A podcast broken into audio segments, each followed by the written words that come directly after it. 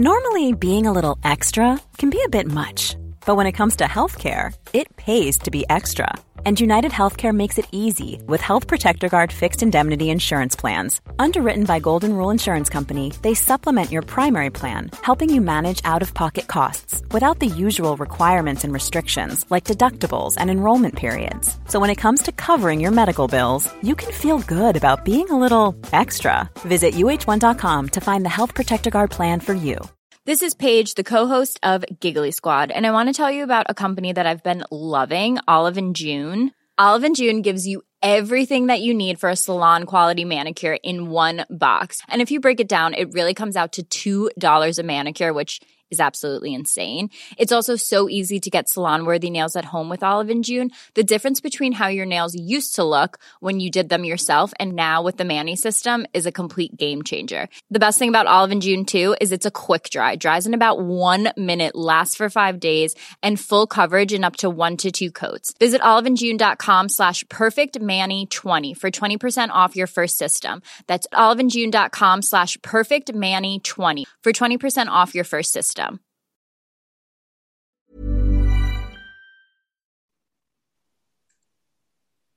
Hej och varmt välkommen till Kosmiska samtal. Jag heter sol karina och jag har den här podcasten tillsammans med min vän David Gran. Så jag säger hej David. Hej sol karina Hur är det? Är det bra med dig? Mm, jo, det är, jag tror att det är bra i alla fall. Så att, eh, du då? Jo, nu känns det riktigt bra faktiskt. måste jag säga. Eh, Det är ju en tuff värld vi lever i just nu. Eh, Mm. Mycket som påverkar oss utifrån och sådär. Det är det. Och jag tyckte det var så kul för du, du sa ett ord som jag tyckte var spännande. Fasadbyggare sa du. Så idag ska vi ju prata lite grann om vad en fasadbyggare är för någonting. Just det, det ska Mm. vi nog göra. Mm. Och då pratar vi inte om en, eh, en snickare som bygger en fasad på ett hus. Nej. Det är lite grann samma sak fast en, en metafor.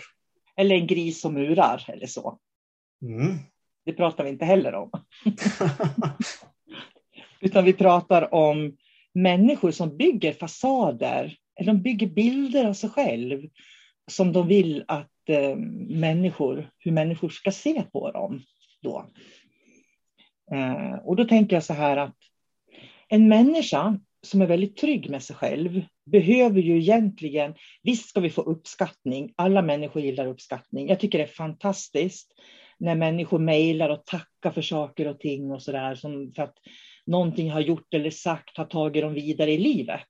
Och våran podd, David, får vi ju många mejl till. Människor tackar oss för de samtal som vi har.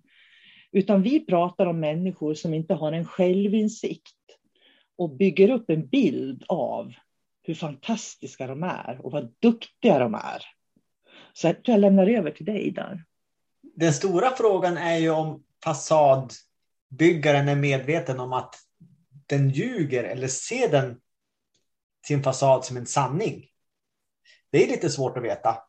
Men eh, i alla fall så har jag, jag brukar lyssna på lite poddar ibland och lyssna på andra medium. Och, och tyvärr är det ju så att många människor överdriver. Många människor vill eh, alltid göra reklam om hur, duktiga just de är på olika saker.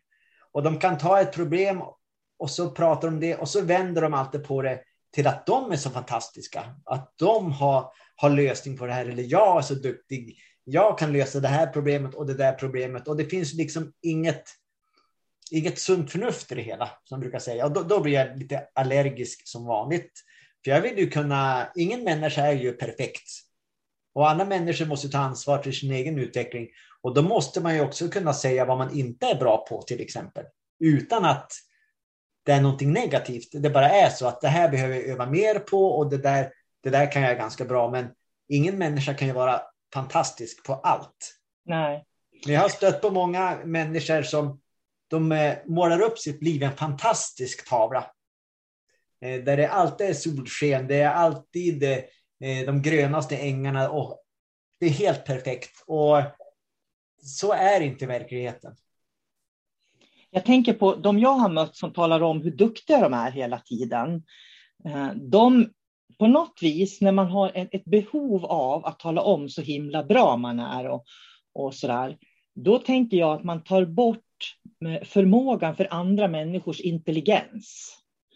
För jag tänker så här att om jag är bra eller inte, det, den som lyssnar på mig eller går en kurs för mig eller läser min bok och gillar det de läser, de kommer ju liksom att tycka att jag är bra. Men Sol-Carina hon är faktiskt riktigt skarp, eller David är riktigt skarp, den här boken de har skrivit, den är bra. Liksom. Intressanta människor, de är bra, tänker folk. Men vi skulle istället kunna säga att ja, vi är så duktiga, vi kan det här med demoner, för vi har skrivit en bok om det och vi vet hur det är. Och kom till oss och vi är bäst och bla, bla, bla, bla, bla. Det är det som skiljer, det här behovet av att tala om hur duktig man är och vad man kan och var man kommer ifrån och vad man har gjort och så där. Det ska ligga en presentation på hemsidan. Det ska inte vara sida upp och sida ner hela, hela tiden. Så tänker jag. Men, men är det inte lite grann så nu i dagens samhälle att man fostras i att behandla sitt namn som det vore ett varumärke? Som att jag är ett företag. När jag går på fest till exempel, då har jag bakhuvudet att nu måste jag göra ett riktigt bra intryck här för att jag ska networka som det heter. Och jag har förstått att lärare lär ut det här i klassrum, att man ska, hur man ska behandla sig själv för att liksom kroka upp sig på andra människor och få förmåner, få kontakter. Mm. Och det är ett ganska cyniskt sätt att se på, på verkligheten egentligen. Ja, för mig blir det väldigt oäkta. Och jag tänker på, jag har aldrig själv varit i så stora nätverk eller i nätverk egentligen. Min erfarenhet av nätverk är att man får sälja så mycket av sig själv. Eh, och, och det är inte alltid värt det. Det är väldigt sällan man möter människor, tycker jag, som är på samma nivå. Jag, liksom, vi har ju känt varandra i ganska många år nu och jag tycker att när vi än pratar och, och, om vad vi än pratar om så är det precis som att vi kan mötas hela tiden. Men det, i, i nätverk så är det inte alltid så, utan man måste liksom ge avkall lite grann på det som jag kan känna är viktigt bara för att man ska passa in med de andra på något sätt. Och då betalar man ju inte ett pris också. För på något sätt, om man har ett sammanhang där man har flera personer i samma rum och man pratar om ett specifikt ämne och ingen kan vara ärlig i vad de säger för att man är rädd att man ska kanske stöta bort en annan människa med sina åsikter eller dylikt. Då blir det ett otroligt platt och innehållslöst på något sätt det man pratar om. Det finns ingen stabilitet överhuvudtaget. Och är det det man ska bygga framtiden på? Ska man, ska man skapa en ny värld på eh, att man bara ska dunka varandra i ryggen och hålla med?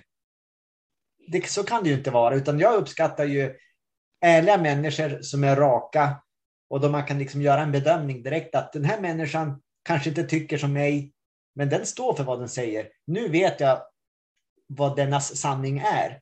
Och det har ju med den att göra och inte med mig. Så jag behöver inte ifrågasätta någonting eller jag behöver inte ta det personligt. Det är den andras verklighet och jag har min verklighet. Och så möts man där i diskussion. Och det är ju det som är problemet, att många tar det personligt. Jag brukar säga, jag är ju väldigt allergisk mot pälsdjur, mot hundar till exempel. Och det här, det här är jättekul för att om det kommer någon som har en hund och så säger jag att eh, jag är allergisk mot hundar, så ta inte, ta inte in hunden här, liksom i det här rummet. De hör inte att jag är allergisk. De hör mig säga, jag tycker inte om hundar. Det är vad de hör. Så det, är liksom, det är det här filtret människor har på något sätt. Eh, och en egenskap som jag tycker är viktig, det är just det här att man kan stå för vad man tycker, men man kan ångra sig och ändra sig om man blir överbevisad. Eller att någon annan liksom, ja men kanske det här är ett bättre perspektiv. Och så, ja men du, det här kan ju faktiskt vara ett bättre perspektiv. Det tycker ja. jag är starka människor. Ja, att man på något sätt, man vet vad man tycker och står för det, men är ändå neutral i mötet med en annan människa. Att man är beredd att ompröva sin egen tes om man blir överbevisad. Och det är ingenting fel i det. För man kan alltid lära sig i ett samtal med en annan människa och det är den ingångspunkten man ska ha. Men de som bygger fasad, fas, stora fina fasader, fasadbyggare, de kan man aldrig diskutera med. För om, om jag skulle komma fram till en fasadbyggare så säger jag att ja, men jag tycker inte den där fasaden är så fin. Eh, själv skulle jag föredra en annan fasad. Då tar de det personligt. Mm. Så att man kan aldrig mötas eh, om man har en stark åsikt som inte passar den andra. Nej, och man lär ju inte känna varandra heller. Jag, jag, tänker så här, det, att lära känna en människa, för mig i alla fall, min erfarenhet, jag är 60 år, så jag har levt ganska länge. Och min erfarenhet att lära känna en människa, det tar ett par år. Du lär inte känna en människa på två månader, eller ett halvår, eller ett år eller två år, utan du behöver tre, fyra, fem år för att lära känna en människa. Så att, eh, och, och, grejen är att de kan hinna förändras väldigt mycket på den här tiden, så de kanske inte alls är den här personen du träffade i början. De kan verkligen ha, ha förändrats och blivit en annan människa. Eh, så det där med att, att lita på folk eller, eller att gå in i nätverk och så där. Du känner bara en nyans av människor när du möter dem. Det tar lång, lång tid att lära känna en människa. Ja, det håller jag med om. Och just nu så tänker jag att är det så att man föds som en fasadbyggare eller blir man fostrad in till att bli fasadbyggare? Jag tror att det finns många dimensioner av det här. För när du säger fasadbyggare, då tänker jag på hybrider, människohybrider, som har väldigt mycket påverkan.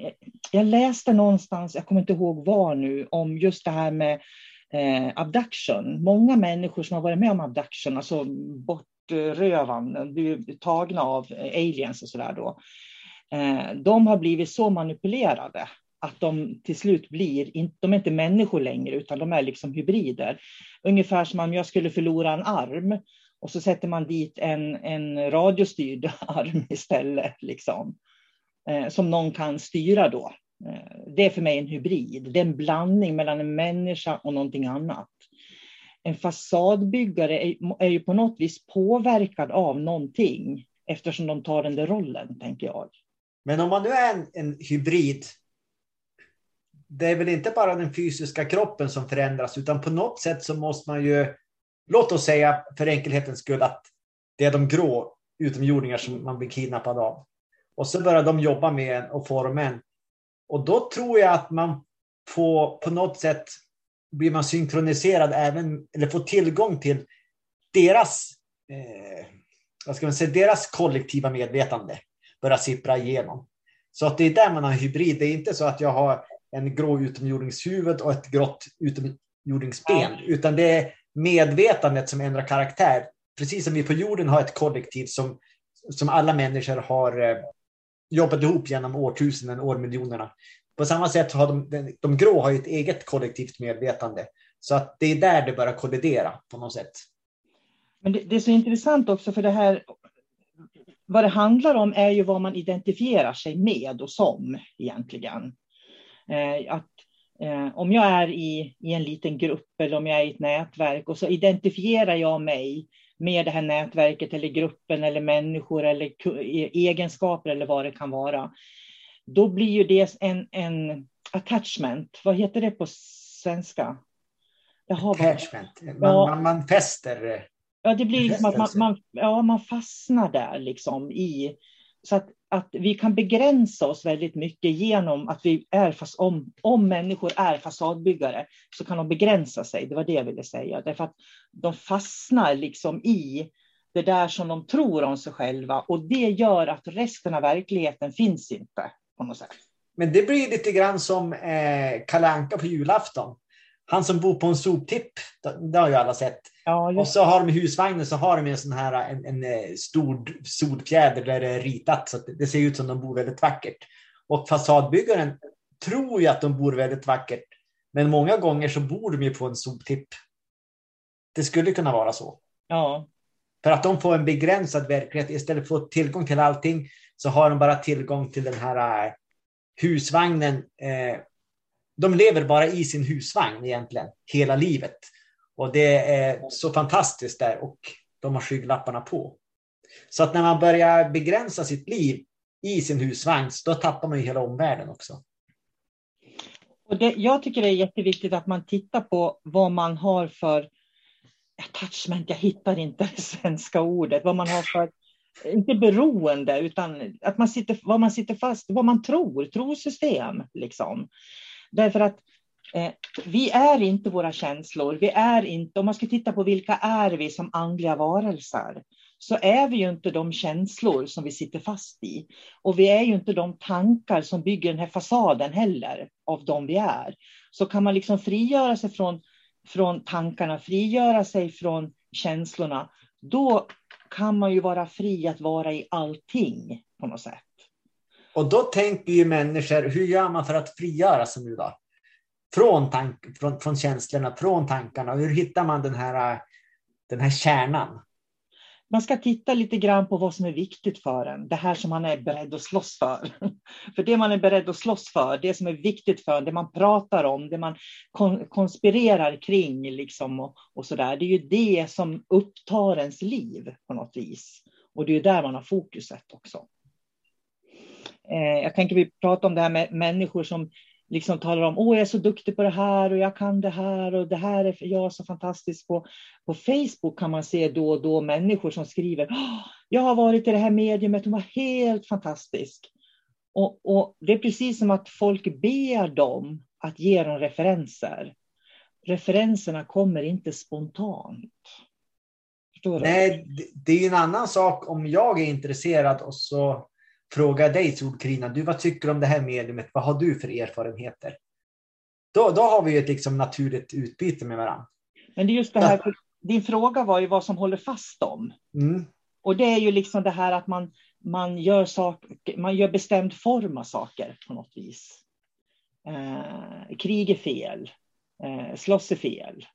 Eh, man, man liksom... Men då kanske man ska ställa frågorna till exempel varför krigar man? Varför slåss man?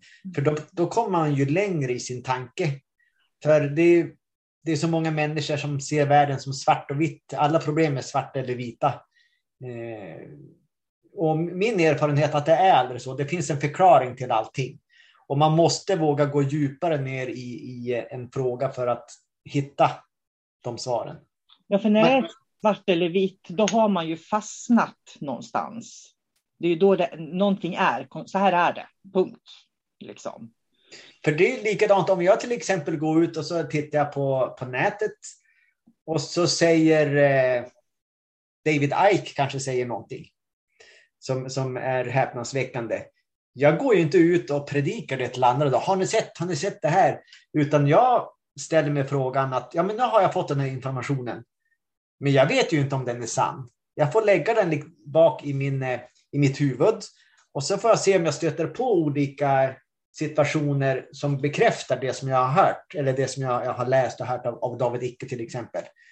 Så att jag, jag försöker hela tiden vara neutral i all information som jag får. Och med tid så kommer det att bevisas om det var rätt eller fel. Så man måste alltid ge allting tid. Och det här med att vara neutral, det är viktigt. Att se vad tycker jag? Om någon tycker någonting, vad tycker jag? Hur ser jag på det här? Eh, därför att vi kan aldrig vara helt neutrala, för då skulle vi nog inte existera överhuvudtaget. Men att ändå sträva mot att vara neutral. Och det, det låter precis som man inte ska tycka och tänka någonting, och det ska man absolut göra, tycker jag. Men jag tror att vi sitter, vi, vi sitter fast i lite för mycket ibland. Eh, och jag tror att det här som vi började kommunicera kring, fasadbyggare, börja titta vem du är. Och vad är det du bygger upp för illusion om dig själv? Och är den verkligen sann? Den, den bild du har av dig själv. Det är någonting som man kan titta på varje dag faktiskt. Ja, och även att våga ifrågasätta sig själv. Ifrågasätta vad egentligen allting i sitt liv. Och våga eh, ompröva beslut som du, du har gjort hela tiden, för det är ett sätt att, också att gå framåt och inte fastna i, i den här fasaden. Är det någonting jag, jag, inte är så bra på? Är det någonting jag behöver lära mig? Och vara kritisk även till sig själv. Jag brukar säga att man ska vara kritisk till allt. Man ska kunna ifrågasätta allt och det gäller ju även sig själv. Hur ska vi kunna utvecklas om vi redan tycker att vi är bäst? Ja, men då är vi ju redan högst upp. Det var ungefär som en, eh, en kompis till mig som sa när han var 15 år att han spelar trummor då. Då sa han att jag kan inte lära mig något mer nu, sa han. Nu är jag fullärd. I hans värld så var det ju så. Men de som tittar på utifrån, de tänkte att nej, så är det ju inte. Alltså man blir ju aldrig fullärd. Det är det som är hemligheten också. Så länge vi är i den här fysiska kroppen med ett medvetande som vi ska jobba för att låsa upp. Så då kommer vi aldrig att vara fullärda. Vi kan lära hela livet. Och den inställningen måste man ha och vara ödmjuk inför också. Att jag kan inte allt, men jag vill kunna mer. Varje dag ska jag lära mig någonting nytt. Mm. Mm. Jag tänker på, det finns tre ord som kommer upp. Falskhet, ljuga och svårigheter. Vad tänker du då? Ja, om vi pratar om fasadbyggen så falskhet naturligtvis. Man ger ju en bild till omvärlden som inte är sann. Det finns ju en anledning varför man har målat upp en perfekt tavla. För det är livet man kanske vill leva, men som man inte är och kan uppnå just nu. Och ljuga då? Det ligger väl också i deras natur att ljuga. Eller försköna på olika sätt. Och gärna sko sig på andra, för om jag till exempel skulle vara, om någon annan är sämre än mig på någonting, då blir jag per automatik lite bättre. Så att man kan jobba med information hela tiden bara för att, att jag ska framstå bättre som någon annan. Men det, det som är intressant som att titta på svårigheter, det jag kommer in på, det jag tänker på, det är ju när människor kommer till en viss punkt, när de liksom känner att shit, jag har inget mer att bjuda på, ungefär så. Då går de in i offerroller, väldigt ofta. Och tar på sig offerkoftan. Jag har varit med om det här och, och nu har jag råkat ut för det här och vore det inte det här, ja då skulle allting vara bra. Är du med hur jag tänker nu? Ja, men är inte också en del av spelet? Eh, om man eh, om man vill framstå som stark och duktig och perfekt på allting och så sen är det någon som ser igenom den där eh, fasaden. Då finns det ytterligare ett, eh, ett S i rockärmen. Det är att slå an känslomässigt hos en annan människa och snärja dem på det sättet. För om de kan tycka synd om mig en kort period, då kommer de att glömma att jag har eh, blivit avslöjad. Och sen när människan, eh, när känslorna där eh, släpper, då har de glömt att jag var svag. Så att det är ett sätt att liksom röja, lägga en ridå över svagheter i fasaden. För det är också min upplevelse att många människor som är fasadbyggare är ju också väldigt duktiga på att interagera med andra människor, jobba med tjänster, läsa av andra människor. Eh, det, det ligger också i deras natur. För de har jobbat antagligen med fasaden i hela sitt liv och de vet vad de ska säga till en annan människa för att trigga dem på olika sätt. Eh, det är svårt att förklara, men, men de är väldigt duktiga på vad de gör. Men jag har sett många gånger människor som man har uppfattat som tydliga och starka, att de vet vad de vill. Och när de blir ifrågasatta så klarar de inte att bli ifrågasatta. För där handlar det om att ja, men nu är det faktiskt så här att jag tar ställning för att jag tror på det här sättet. Eh, fast någon annan tror någonting annat. Och då, då blir de liksom att de går in i den här offerkoftan då ja men, ja men jag är ju bipolär eller jag är ju utbränd eller jag är ju utmattad eller jag är sjuk eller sådär. Alltså någonting. För i den mänskliga naturen ligger att vi är empatiska av naturen.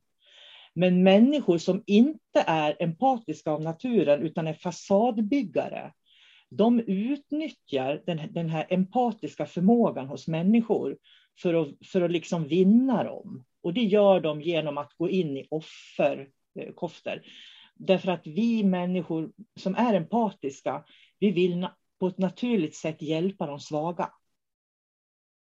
Så ja, jag, jag håller med fullt, fullt, helt och hållet. För det kan jag också ta som exempel att jag har ju lyssnat, som jag sa förut, på mycket poddar och, och dylikt. Och då dyker det upp då och då, de här människorna som, eh, precis som du säger, de har varit starka. Men sen så har de haft en liten svacka och då pratar de bara om sina, sin diagnos kan det vara till exempel. Det är på grund av min diagnos som jag beter mig på det här sättet och kunde jag skulle ha gjort annorlunda och då, då är det precis att de byter spår, de byter fokus helt och hållet. Bara för att snärja olika människor och sen komma upp igen på sitt andra spår. Och då är det som att allting är glömt igen. Så att eh, mästare på att hantera känslor och manipulera andra människor. Mm. Inte så långt ifrån egentligen eh, psykopater. Jag tänkte faktiskt på det också. För psykopater är ju också väldigt duktiga på att manipulera människors känslor. För om vi backar bandet nu. De här människorna som jag pratade om förut som har lärt sig att hantera sitt, sitt namn som ett, ett företag. Man ska alltid göra PR. De har ju också jobbat hela livet med att, för det första har de aldrig varit ärliga mot sig själva. De har aldrig varit ärliga mot människorna som de har mött. Utan hela tiden så har de haft en, en intention av att vad kan jag få ut av det här mötet? Vad kan jag tjäna på det? Och då har de gått in och lärt sig att använda känslomässiga medel för att styra andra människor. Så att har man gjort det hela sitt liv så då blir man duktig på det och de flesta människorna vet inte ens vad de gör utan det är inövat så det sitter i ryggraden. Och det kommer ju ofta från barndomen. Det är ju verkligen ett inövat beteende från barndomen för att anpassa sig, för att få kärlek, för att bli sedda och så vidare. Det är därför det, det grundläggs på något vis i barndomen tror jag. Ja, men det börjar ju redan, man kan ju ta en, en, eh, en eh, femåring i en affär. Den lär sig att om jag ställer till en scen här, om jag lägger mig ner och skriker, då blir mamma generad och då kommer hon att köpa den där chipspåsen som jag vill ha. Mm. Och det är på samma sätt gör ju vuxna människor för att få som de vill ha. På arbetsplatser eller vad det nu kan vara. Så det måste man ha i åtanke. Och jag tror att det här är väldigt vanligt hos eh, fasadbyggare. Eh, faktiskt. Fasadbyggarna, de måste, och det måste vara skitjobbigt att vara en sån. För du måste ju hela tiden ha någon sorts kontroll på omgivningen. Vad, vad som händer runt omkring. Och sen liksom på något vis bestämma dig för hur du ska bemöta det. Jag tänker rent känslomässigt och så. Men sen finns det en aspekt till också. Det är att, det är att man lägger all sin tid på att hålla upp en fasad. Mm. Så man hinner ju aldrig, eller man kanske inte kan heller, lära sig någonting. Mm. Utan det lilla man, man faktiskt har, den energin använder man till att bygga upp en fasad för att visa andra människor vad de, alltså, någonting som inte är sant. Alltså jag har hittat på någonting, att jag är, är så pass duktig på någonting. Jag har inte den kunskapen, men jag ska ge sken av det. Och när min tid går åt att ge det skenet, då hinner jag inte lära mig något annat. Så att det är ju spilld tid som man jobbar med som fasadbyggare. Du kan aldrig utvecklas så länge du är en fasadbyggare. Nej. För du har nått en gräns där. Och det är därför jag kallar fasadbyggare för en form av hybrider. Därför att fasadbyggare hybrider för mig, de kan inte inhämta egen eller ny kunskap. Utan de, de har liksom de har färdiga bilder av hur de tror är det bästa i samhället och det är det de liksom följer och bygger efter på något sätt. Det är färdiga koncept då egentligen som de kör med. Ja, jag, skulle, jag skulle vilja säga det. Men återigen, om man nu är en, eh, en fasadbyggare av rang då? Går det ens att bryta? Det var intressant. Vad är en fasadbyggare av rang? Ja, det är en mästarfasadbyggare, de här som aldrig någonsin går att överbevisa. Och de tar allting personligt som man säger. Mm. Och att, och att de är helt enkelt bäst. Och jag skulle säga en fasadbyggare av rang, det är, det är ju en tvättäkta psykopat egentligen. Jag tänker på många eh, människor jag har lämnat bakom mig i livet. Eh, och att jag har lämnat dem bakom mig beror på att jag tycker de är fasadbyggare. Det är mycket skryt och, och skrytet har ingenting att göra med verkligheten på något sätt. För jag tänker så här, om jag är en ärlig och sann människa, då behöver inte jag skryta om saker och ting. Och det är någonting man kan se på Facebook väldigt mycket. Människor måste tala om vad de har gjort för bra hela tiden. Och därför att de måste liksom bygga, titta, det här har jag gjort, vad duktig jag är. Liksom så. Och, och det är egentligen helt oviktigt. Jag bryr mig väl inte om vad människor gör för bra saker i vardagslivet. Jag tänker så här, det viktiga är väl att jag är nöjd med min dag på något vis. Om jag har ett behov av att tala om för hela världen vad jag har gjort bra idag, då är jag ju en fasadbyggare. Ja, och det är det som är, jag kallar det för tragik. när människor lägger tid på att visa andra människor sin upplevelse. När de egentligen skulle ha, om de verkligen hade brytt sig om den upplevelsen, då hade de inte tagit foto och lagt ut det på nätet. För då, i deras tanke är det så att om de står på, på en stor klippa till exempel, så ett hav nedanför en fantastisk bild. Njut av den då, njut av havet, njut av klippan, njut av vinden. Men istället så tänker de att jag måste ta en bra bild som jag kan lägga ut så att folk tycker att, det är en fin, att jag har haft en fin upplevelse. Och då har man ju inte den där upplevelsen av klippan, av eh, havet, av vinden. Man har inte upplevelsen, man har bara en bild i huvudet. Mm. Som man vill förmedla. Och det är det som är det tragiska i det hela. Jag tycker också att det är skillnad på att bygga fasader och, skapa, och bygga visioner. För en människa som bygger en fasad har ingen röd tråd med det de gör. En människa som bygger en vision har, det kommer från det djupaste inre, någonting som känns viktigt, som kommer alla människor till del. Och det är det som skiljer en fasadbyggare från en visionär, till exempel, tycker jag. För en fasadbyggare gör saker för sin egen skull. Medan en visionär gör någonting för andra människor och världen som alla får del av. Även jag, men även de och ni. Mm. Fram, samtidigt, en visionär har ju ett otroligt driv att utvecklas med det de håller på med. De, vill, de forcerar ju verkligen sin utveckling hela, hela tiden. Så att de har ju den här äh, extrema framåtrörelsen och de kan ju till och med bli, bli maniska i perioder för att de vill gärna få ut sina idéer. Och det är motsatsen till en fasadbyggare som vill kapsla in liksom, eh, sin lilla verklighet. Eh, de har låst in den i en liten cell. Alltså det är deras utveckling. Och så har de kastat bort nyckeln. Så att den skillnaden är det ju mellan en mm. fasadbyggare och en visionär. Jag funderar, för en visionär kan ju ha en bild utan att de... Jag tyckte inte om när du sa att man är manisk som visionär. Eh, därför jag tycker det var fel ord att använda. Jag tycker däremot att en fasadbyggare är manisk nämligen.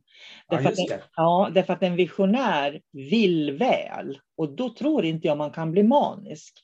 Men någon som känner att man håller på att förlora greppet eh, om att duga, de tror jag kan bli maniska. Ja det, ja, det beror ju hur man ser på saker. Men se där Sol-Carina, nu har vi motsättningar här du och jag. Ja. Så nu kan jag ta det här personligt. Ja, gör du det då? ja, jag tar till mig det på så sätt att jag ska fundera över vad det maniskt betyder för andra och vad det betyder för mig. Ja, och det jag tycker är intressant, vet du vad det är? Det är det här, hur, vad är en visionär egentligen? Vad betyder visionär? Därför att det är ju så att ord kan ju betyda olika saker för oss. Jag gissar att visionär kommer från vision. Man har fått en bild, man har ett mål, man vill gå framåt dit. Ja, för jag tror att det jag försöker, eller ja då, eh, eh, när jag ska visa skillnader så vill jag visa att en visionär har en plan. Eh, och det har i och för sig en fasadbyggare också, men samtidigt inte, för jag tror att de är mera eh, vänder kappan efter vinden. Så, så på det viset blir ju manisk på en visionär rätt egentligen. Därför att en visionär kan inte släppa sin bild. Medan en fasadbyggare kan vända kappan efter vinden. Nu har vi gått från att göra saker svart och vitt till att plocka in det i gråzoner här. Ja, eller hur? Det är väl intressant? Ja. Men, det, det, är ord, det är ord. Och, och hur vi uppfattar ord är ju också väldigt olika. Och det är viktigt hur vi använder ord. Ja. För att med ord, i det här, inom det här ämnet, med ord eh, snärjer man människor. Mm. Kan man göra. För då är vi återigen där med fasadbyggare och hur det ska presentera saker och ting. Och när man, eh, om man ljuger till exempel, man kan, kan förtäcka ljug med väldigt fina ord. Det är ingen som märker att man ljuger. Eh, är man bara nog självsäker så kan man komma undan med väldigt stora lögner. Så att, eh, Men vet du, vad jag, ja. vet vad jag har lärt mig av livet, av människor i livet? Jag har lärt mig att de flesta människor tror mer om sig själva än vad de är man kan tycka liksom att människor, många människor har väldigt dåligt självförtroende. Men, och det är det. Det finns jättemånga människor som har dåligt självförtroende, dålig självkänsla, dålig självinsikt. Men det finns lika många människor som säger det här är jag bra på. Det här är jag jätteduktig på. Det är min erfarenhet. Och sen när man väl ger dem möjligheten att visa det här som de är bra på, så upptäcker man, oh my god, tror den här personen att det här är det bästa som finns? Och så ser man att gud vilken illusion du lever i. Så. Det är ju brist på självinsikt. Ja. Och många som är så där otroligt självsäkra, de har nog brist på självinsikt. Många fasadbyggare tror jag.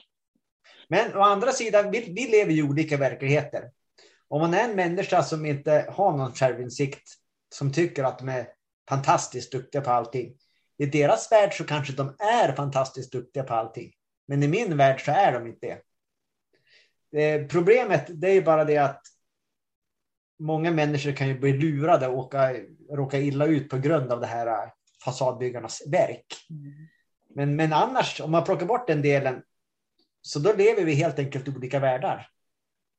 Ja, och jag tror att just det där att om någon säger att jag är så fantastiskt duktig på det här, då jämför sig människor med dem. För då ser de att de kan, för jag tror att vi människor kan alltid se våra egna brister. Jag tror vi kan se våra egna brister hela tiden. Så att om du säger till mig att ah, men jag är så otroligt duktig medium, säger du till exempel.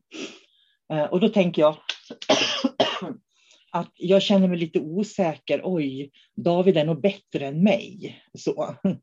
Och då, då, blir det ju, då nedvärderar jag mig själv. Istället för att jag tittar på, okej, okay, vad är det som gör att du är så otroligt duktig? Och så kan jag lära av dig istället. Ja, och sen får du för det första så får du boka en eh, session med mig så att du får avgöra om jag faktiskt är duktig. Och det är också intressant. För eh, när man bokar sessioner med människor, människors förväntningar när de bokar upp. Det är ganska intressant, för egentligen är det människors förväntningar som blir resultatet av de bokade behandlingarna, hur vi nu kom in på det på något sätt. Mm. En del har ju färdiga att det här vill jag ha hjälp med, det här vill jag du, att, att jag ska bli frisk ifrån eller hel ifrån och jag vill att du gör det där. Ja, så är det ju. Och en, en del människor skapar ju också sin egen magi det de bara behöver det är att de sätter tron i en annan människa. Och sen så, så gör de sitt eget verk på något sätt. Det är som att, eh, så att det finns alla sorter där. Mm. För det har du kanske också varit med om. De som vill ha den här, egentligen så kan de allting redan. De vet allting. Fast de har inte det där självförtroendet. Så de behöver bara ta det där steget att ta emot hjälp. Ja, nu måste jag ta hjälp av den här personen som jag litar på. Och då har de öppnat upp sig för sin egen förmåga på något sätt.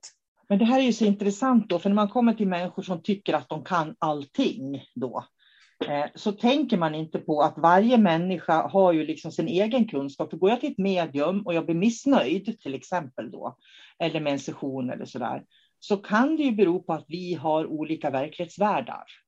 Vi har det attachment som jag pratade om. Vi sitter fast i helt olika känslor, helt olika tankar och då kan det bli svårt att förstå varandra också. Jag tänker bara på det här, vissa ord som man använder. Eh, som vi pratar om manisk till exempel, det tycker jag är ett starkt ord. Eh, och det är det ju, men det kan ju tolkas på så många olika sätt. Så, så om, jag, om jag är, ja, jag vet inte hur jag snurrar till det nu, men eh, vi pratar om människor som är fasadbyggare. Så komma tillbaka.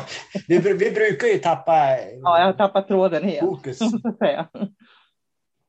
Jag menar, när vi pratar om det så har vi också en bild av den typen av människor som vi har mött, som vi tycker är sådana.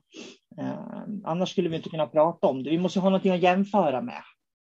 Jämföra måste man ju alltid göra på ett plan. Mm. På ett annat plan så ska man ju inte jämföra för att man måste ju gå till sig själv. Är jag nöjd med det jag gör så då, då är det ju det som räknas egentligen.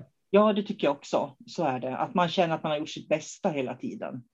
Jag har gjort det jag kunnat. Ja. Och då, och då är jag nöjd. Och det är någonting som jag lär mina mediumelever också. För att eh, det finns någon sorts eh, illusion om att som medium kan man svara på alla frågor.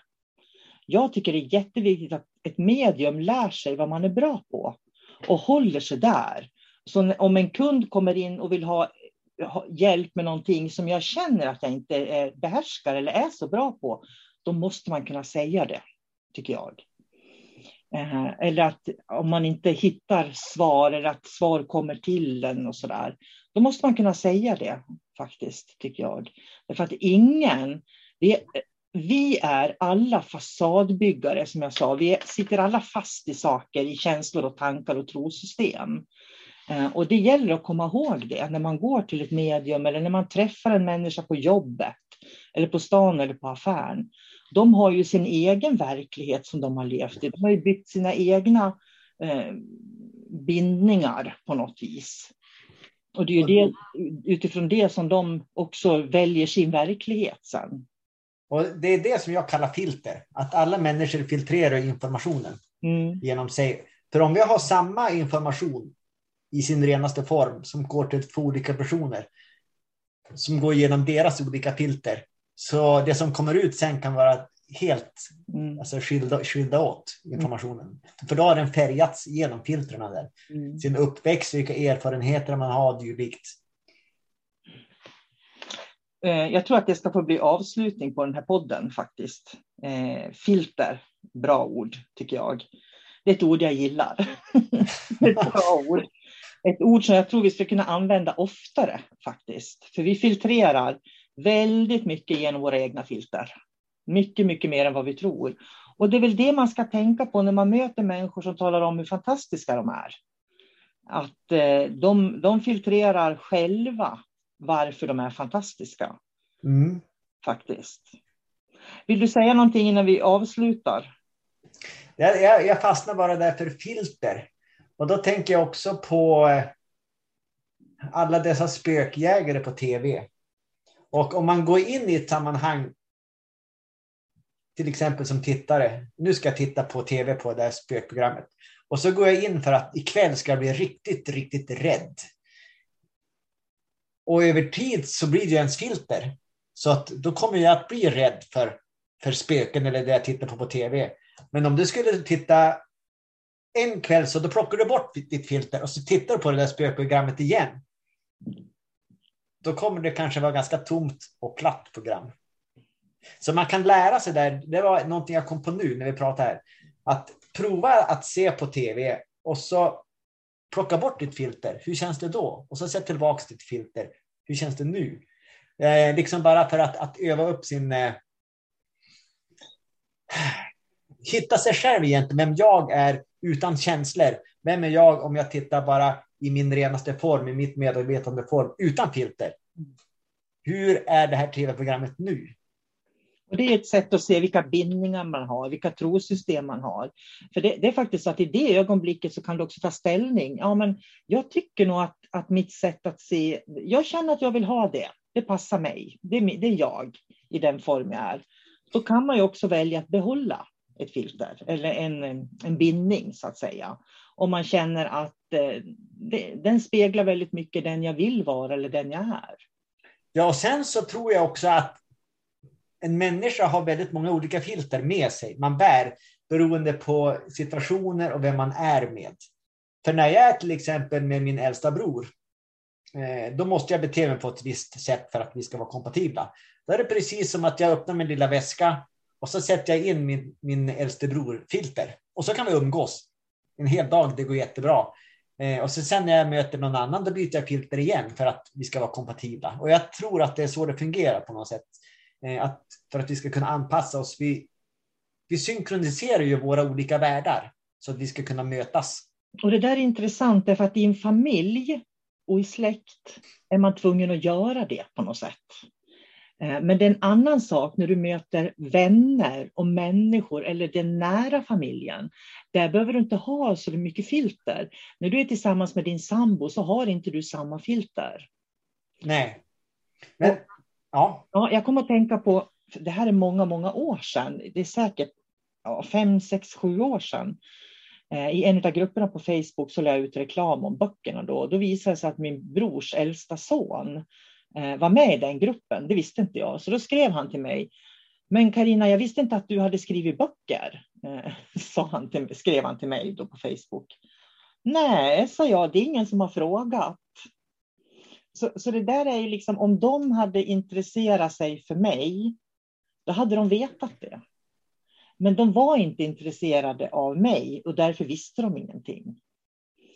När du träffar din bror då tar du, och du, du använder filtret som behövs för att du och din bror, för att du ska kunna se din bror. För skulle du inte göra det, då skulle ni inte vara kompatibla överhuvudtaget. Nej, antagligen så skulle... Jag skulle inte säga att vi skulle bråka, men det skulle vara ganska kyligt oss emellan. Vi skulle inte ha någonting gemensamt. Men vi plockar ju upp eh, gemensamma filter från barndomen mm. som vi tar på oss. Och då hittar vi ett sätt att, att, eh, att umgås. Mm. Men det handlar ju också om medvetenhet när man använder sina filter. Ja, för jag skulle vilja säga att du plockar ju inte bort den du är, men du är medveten om vad den an, vem den andra är på något sätt. Ja, och hur mina ord eh, påverkar honom. Ja. Så det beror ju vilken agenda jag har också. Skulle jag vilja skapa osämja, då kan jag säga vissa välvalda ord, för jag, jag vet ju vad som triggar min mm. brorsa. Men så att det handlar liksom om, om ett ett medvetande perspektiv också. För till exempel om jag skulle bråka med min sambo så skulle jag vara rosenrasande. Och sen går jag in på Konsum och ska handla. Då måste jag hejda mig själv, för jag kan ju inte skälla ut kassörskan. Nej. Så då med min medvetande så då lugnar jag ner mig och så sen då byt, sätter jag in mitt filter att ja, men nu är jag på Konsum, nu ska jag bete mig på ett visst sätt. Så det är det man, jag menar, att man bär alltid med sig en, en, eh, en liten ryggsäck och så byter man filter efter situation också. Mm. Men det är skillnad på fasadbyggare och filter. Därför att en fasadbyggare vänder kappan efter vinden och det är något helt annat än att ha rätt filter när du möter människor för att inte liksom trigga deras sämsta sidor. Mm. Men det är också en, en medvetande nivå att, att eh, jag vet att hur mina ord och mitt agerande påverkar andra människor och jag vill inte att göra det. Så därför så i det här eh, som på, på Konsum, ska jag vara så, även fast jag är arg, sur, irriterad, så måste jag liksom vara proffsig i mitt bemötande med andra, för jag vill inte påverka dem på ett, ett negativt sätt. Och det där är viktigt, därför att där har du skillnaden. För människor som bygger fasader, de kan inte hantera, de tar det personligt och det, när de tar det personligt så innebär det att de skäller ut kassörskan på, på, på Konsum. Och det är det som skiljer. En, en medveten människa gör inte det. En omedveten människa känner bara de här negativa känslorna och projicerar dem på den första de möter i princip. Oftast någon som är oskyldig då? Ja, så.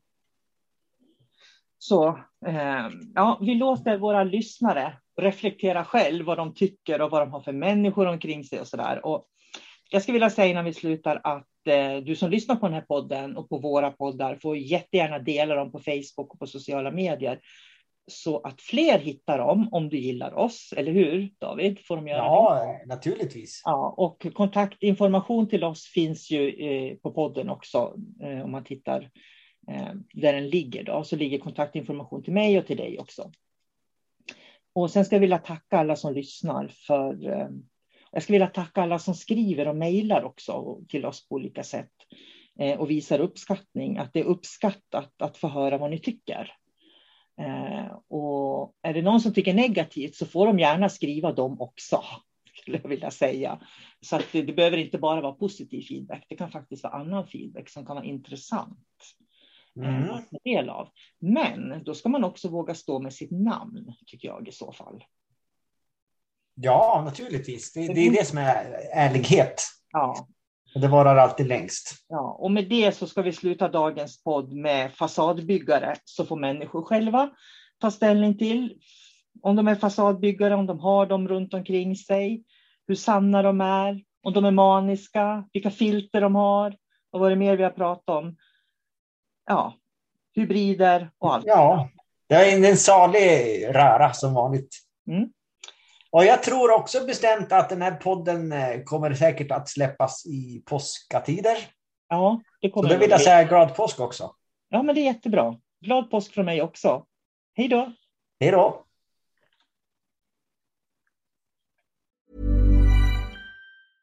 Normally, being a little extra might be a bit much, but not when it comes to healthcare. That's why United Healthcare's Health Protector Guard fixed indemnity insurance plans, underwritten by Golden Rule Insurance Company, supplement your primary plan so you manage out of pocket costs. Learn more at uh1.com. Mom deserves the best, and there's no better place to shop for Mother's Day than Whole Foods Market. They're your destination for unbeatable savings, from premium gifts to show stopping flowers and irresistible desserts. Start by saving 33% with Prime on all body care and candles. Then get a 15 stem bunch of tulips for just $9.99 each with Prime. Round out mom's menu with festive rose, irresistible berry chantilly cake, and more special treats. Come celebrate Mother's Day at Whole Foods Market.